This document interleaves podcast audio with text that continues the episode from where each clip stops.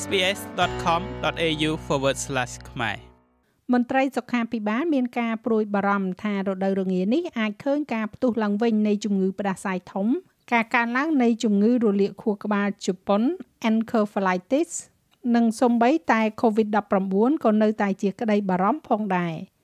គណៈរដ្ឋមន្ត្រីជាតិបាននិយាយអំពីអ្វីដែលរដ្ឋាភិបាលនិងប្រជាជនអូស្ត្រាលីអាចធ្វើបានដើម្បីត្រៀមខ្លួនទប់ទល់នឹងជំងឺទាំងអស់នេះ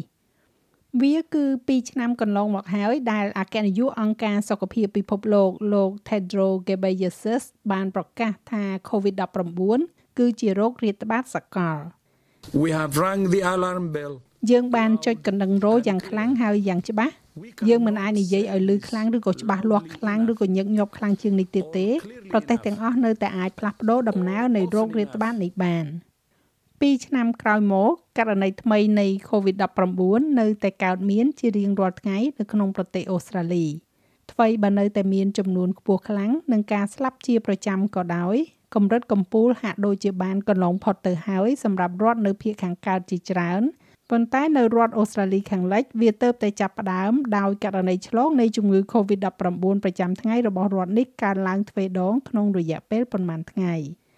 រដ្ឋអូស្ត្រាលីខាងលិចកំពុងតែព្យាយាមដាក់កម្រិតជាច្រើនដើម្បីទប់ទល់នឹងការឆ្លងរាលដាលនេះប៉ុន្តែដូចជាប្រទេសអូស្ត្រាលីទាំងមូលដែរក្តីបារម្ភគឺការចាក់វ៉ាក់សាំងដែលឥឡូវនេះគឺជាគន្លឹះសំខាន់នៃយុទ្ធសាស្ត្រគ្រប់គ្រងវីរុសកូវីដ -19 ថ្នាក់ជាតិរដ្ឋមន្ត្រីក្រសួងសុខាភិបាលសហព័ន្ធលោក Greg Hunt មានប្រសាសន៍ថាប្រហែលជា2ភាគ3នៃប្រជាជនអូស្ត្រាលីដែលមានសិទ្ធិបានចាក់វ៉ាក់សាំងលើកទី3របស់ពួកគេរួចហើយ ហើយអ្នកណាដែលមិនទាន់បានចាក់គឺត្រូវទៅចាក់ It's not over um and there will inevitably be វានៅមិនទាន់ចប់ទេហើយវានឹងមាន variant ថ្មីថ្មីដោយជៀសមិនផុតហើយវានឹងមិនអាចជៀសផុតពីការឆ្លងក្នុងកម្រិតមួយក្នុងសហគមន៍នៅថ្ងៃខាងមុខបានឡើយនោះគឺគ្មានការសង្ស័យទេនៅពេលនេះរដ្ឋនានាកំពុងតែរៀបចំផែនការដើម្បីបង្កើនអត្រាចាក់វ៉ាក់សាំងដូសទី3ដោយសារតែមានការព្រួយបារម្ភថា រដូវរងានឹងនាំមកនូវការកើនឡើងខ្លាំងនៃករណីឆ្លងម្ដងទៀតអភិបាលរដ្ឋ Queensland លោកស្រី Anastasia Palasai មានប្រសាសន៍ថាលោកស្រីបានឮនៅរបាយការណ៍អំពី variant រង Omicron ថ្មីដែលធ្វើឲ្យការចាក់វ៉ាក់សាំងដូសជំរុញកាន់តែចាំបាច់ថែមទៀត។ We really need you to get your booster. យើងពិតជាត្រូវការឲ្យអ្នកទៅចាក់វ៉ាក់សាំងដូសជំរុញរបស់អ្នកប្រសិនបើអ្នកមិនទាន់បានចាក់វ៉ាក់សាំងដូសជំរុញទេសូមពិចារណាទៅចាក់ដូសជំរុញរបស់អ្នកវានឹងក្លាយជាស្រទាប់ការពារបន្ថែម ជាពិសេសនៅពេលដែលយើងចូលទៅក្នុងរដូវរងាសម្រាប់មនុស្សមួយចំនួន វាប្រហែលជាមិនបញ្ចប់ត្រឹមដូសទី3នោះទេក្រុមប្រឹក្សាបច្ចេកទេសអូស្ត្រាលីស្ដីអំពីការចាក់ថ្នាំបង្ការអាតាគីកំពុងតែថ្លឹងថ្លែងថា តើដូសទី4គួរតែត្រូវបានណែនាំសម្រាប់ក្រុមប្រជាជនមួយចំនួន ជាពិសេសអ្នកដែលមានអាយុលើសពី65ឆ្នាំដែរឬទេដំបូន្មាននោះប្រហែលជាមិនចេញឡើយរហូតដល់ដំណាច់ខែមីនាប៉ុន្តែលោក Greg Hunt បានបញ្ជាក់រួចហើយថារដ្ឋាភិបាលបានបញ្ជាទិញវ៉ាក់សាំងគ្រប់គ្រាន់ហើយ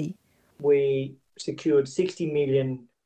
យើងធានាបាន60លានដូសនៃ Pfizer សម្រាប់ឆ្នាំ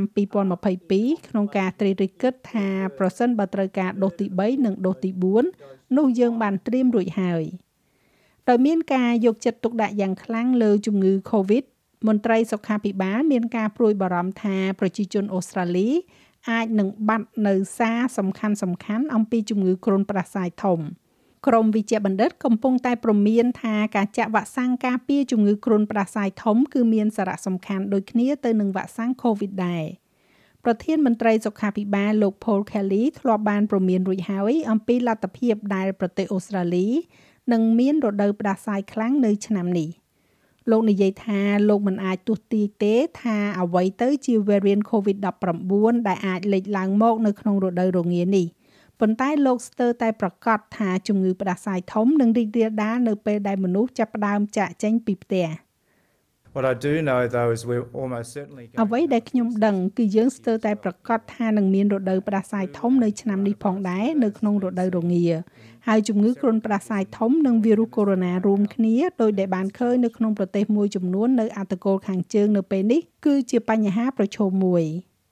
ការត្រៀមខ្លួនសម្រាប់ចំណុចខ្ពស់បំផុតដែលអាចកើតមាននៃជំងឺផ្ដាសាយនិងជំងឺ Covid គឺជាការផ្ដោតសំខាន់នៃកិច្ចប្រជុំគណៈរដ្ឋមន្ត្រីថ្នាក់ជាតិកាលពីសប្តាហ៍មុនប៉ុន្តែមេរោគទី3ក៏កំពុងត្រូវបានគេនិយាយផងដែរនោះគឺជំងឺរលាកខួរក្បាលជប៉ុន encephalitis មានករណីអះអាងចំនួន15ករណីនៅក្នុងសហគមន៍នាពេលបច្ចុប្បន្នហើយគេបានដឹងថាមានមនុស្ស2នាក់បានស្លាប់ដោយសារជំងឺដែលឆ្លងដោយសត្វមូសនេះ ក្នុងរយៈពេល2ខែចុងក្រោយ មានវ៉ាក់សាំងរួចហើយសម្រាប់បង្ការជំងឺនេះហើយលោក Greg Hunt និយាយថារដ្ឋាភិបាលសហព័ន្ធកំពុងរៀបចំផែនការដើម្បីធានាបាននូវស្តុកគ្រប់គ្រាន់ដើម្បីបង្កើនការការពារសហគមន៍ដែលជាផ្នែកមួយនៃកញ្ចប់ថវិកា69លានដុល្លារ We have uh, 15,000 vaccines. in យើងមាន country. វ៉ាក់សាំង15000ដូសនៅក្នុងប្រទេសហើយយើងកំពុងទិញបន្ថែម130,000ដូស ដោយផ្អែកទៅលើការណែនាំអំពីសុខភាពសាធារណៈ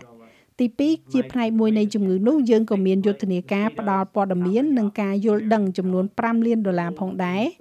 ការការពារមូសខាំការពាក់អាវដៃវែងហៅជើងវែងបាញ់ថ្នាំការពារមូសធ្វើអ្វីអ្វីទាំងអស់ដែលមនុស្សធ្លាប់ធ្វើដើម្បីការពារខ្លួន នៅពេលដែលពួកគេស្ថិតនៅក្នុងតំបន់ដែលមានជំងឺកើតពីមូស